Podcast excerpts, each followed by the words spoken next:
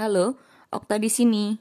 Masih di dalam buku yang sama, yaitu Percy Jackson's Greek Gods, yang ditulis oleh Rick Riordan, yang masih di judul yang sama, yaitu semacam permulaan. Nah, aku akan melanjutkan cerita dari episode sebelumnya. Oke, selamat mendengarkan. Aku tahu, itu ide buruk bukan? Hahaha. Gaya melahirkan tiga bayi. Masalahnya, anak-anak baru ini benar-benar jelek. Mereka sebesar dan sekuat para titan, tapi canggung, dungu, dan seluruh tubuh mereka dipenuhi rambut yang sangat perlu dicukur. Yang terburuk, setiap anak mempunyai satu mata di tengah keningnya. Bicara soal wajah mereka, hanya sang ibulah yang bisa menerimanya. Ya, Gaya mencintai mereka. Dia menamai mereka tetua Cyclops, dan akhirnya mereka akan menciptakan sebuah ras Cyclops lain yang lebih rendah. Tapi itu masih jauh dari sekarang. Saat Uranus melihat ketiga Cyclops, dia kaget. Tidak mungkin ini anak-anakku. Mereka bahkan tidak mirip denganku. Mereka memang anak-anakmu dasar pecundang. Gaya balas berteriak. Jangan berani-beraninya meninggalkanku untuk membesarkan mereka seorang diri. Jangan khawatir, Aku tidak akan melakukannya. Geram Uranus. Dia bergegas pergi dan kembali dengan rantai tebal terbuat dari kegelapan murni langit malam.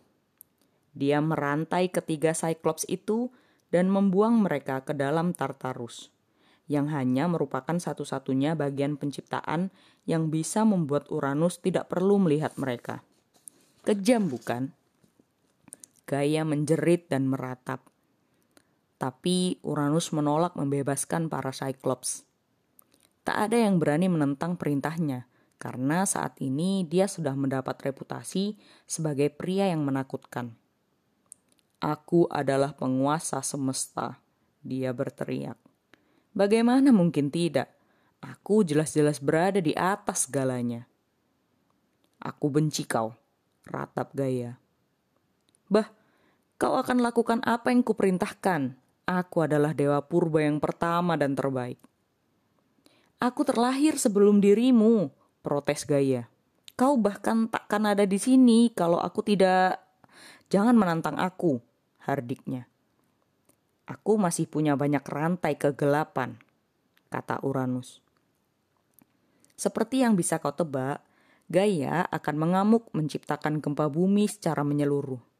Tapi dia tidak tahu apa lagi yang bisa dilakukannya.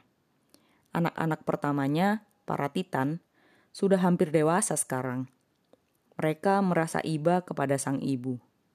Mereka pun tak begitu menyukai ayah mereka. Gaya selalu berbicara buruk tentangnya dengan alasan yang tepat. Tapi para titan takut terhadap Uranus dan merasa tak berdaya untuk menghentikannya. Aku mesti bertahan demi anak-anak, pikir Gaia. Mungkin sebaiknya aku memberi Uranus satu kesempatan lagi. Dia menyiapkan sebuah malam yang romantis dengan lilin, mawar, dan alunan musik pelan. Semua itu pasti telah menghidupkan kembali sebagian sihir lamanya.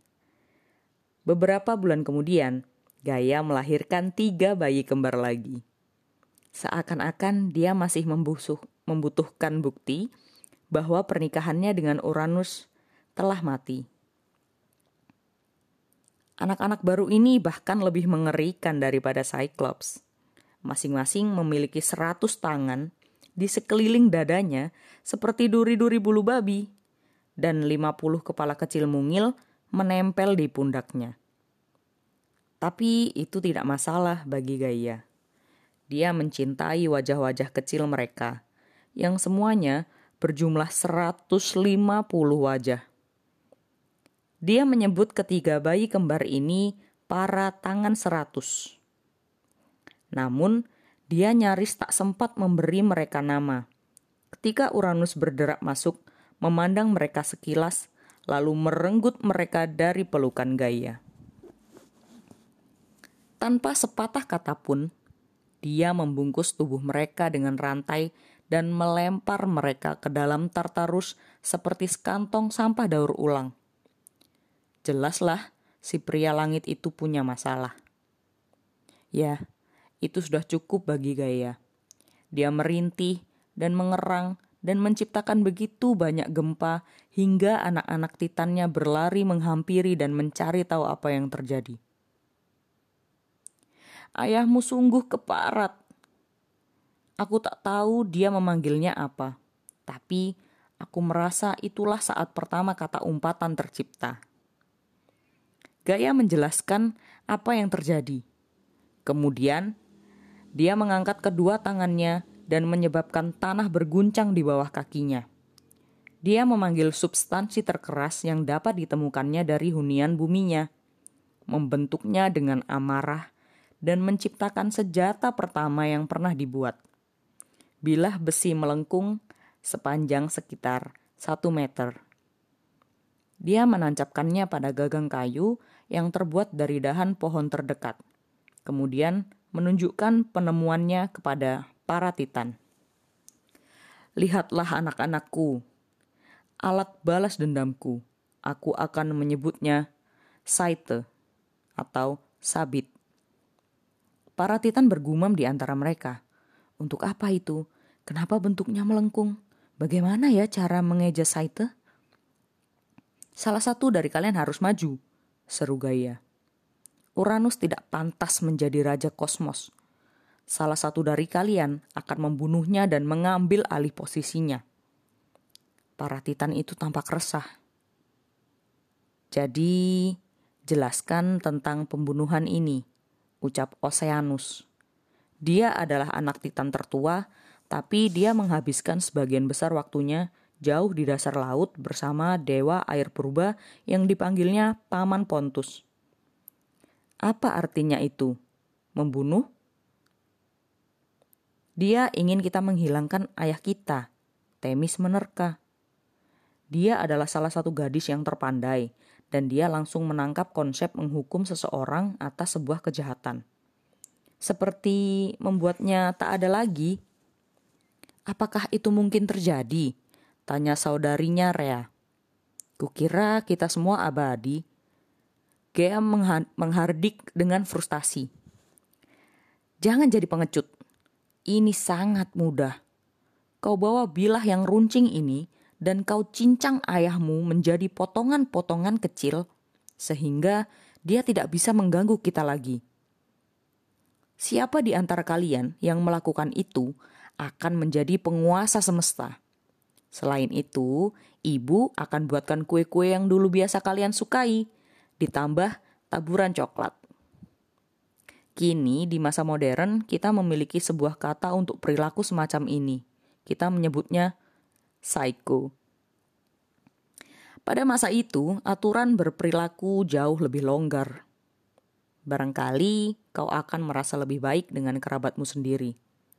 Begitu mengetahui bahwa keluarga pertama yang tercipta juga merupakan keluarga kacau yang pertama. Para titan mulai bergumam dan saling tunjuk. Hei, Kau saja yang bunuh ayah. Eh, tidak, menurutku sebaiknya kau yang melakukannya. Jujur, aku akan dengan senang hati membunuh ayah. Tapi ada pekerjaan yang mesti kulakukan, jadi aku akan melakukannya. Ucap sebuah suara dari belakang. Yang terbungsu dari kedua belas titan menyelinap maju. Kronos lebih kecil dari kakak-kakaknya dia bukanlah yang terpandai, terkuat, ataupun tercepat. Tapi dialah yang paling haus kekuasaan. Kurasa, bila kau menjadi anak yang paling bungsu dari 12 bersaudara, kau akan selalu menjadi cara untuk tampil menonjol dan diperhatikan. Titan termuda menyukai gagasan mengambil alih dunia, terutama jika itu berarti menjadi bos bagi semua kakaknya tawaran kue dan taburan coklat juga lumayan. Tinggi Kronos mencapai sekitar 3 meter, yang terhitung pendek untuk ukuran seorang titan. Dia tidak tampak berbahaya seperti sebagian kakaknya. Tapi anak itu cerdik. Dia sudah memperoleh julukan si licik di antara saudara-saudaranya karena dia bermain dengan kotor dalam pertandingan gulat mereka dan tak pernah berada di tempat yang kau duga. Dia memiliki senyum ibunya dan rambut ikal berwarna hitam. Dia mewarisi kekejian ayahnya, dan saat dia memandangmu, kau takkan pernah tahu jika dia ingin meninjumu atau melontarkan lelucon kepadamu. Jenggotnya juga tampak menggelisahkan. Dia masih terlalu muda untuk memiliki jenggot. Tapi dia sudah menumbuhkannya, membentuk paku yang menjorok dari dagunya seperti paruh gagak. Nah, udah masuk nih ya kan sekarang ke cerita Kronos. Nah, nanti akan ada episode selanjutnya yang menceritakan lebih lengkap bagaimana kisah Kronos membunuh bapaknya. Jadi ini adalah cerita dewa-dewi Yunani yang sebenarnya kalau mitologi Romawi, dewa-dewi ini dipadu-padankan dengan nama planet-planet. Seperti bumi, Uranus, Mars, dan lainnya. Nah, Kronos ini termasuk uh, planet yang mana? Nah, coba nanti kalian cari tahu ya. Tunggu di episode selanjutnya.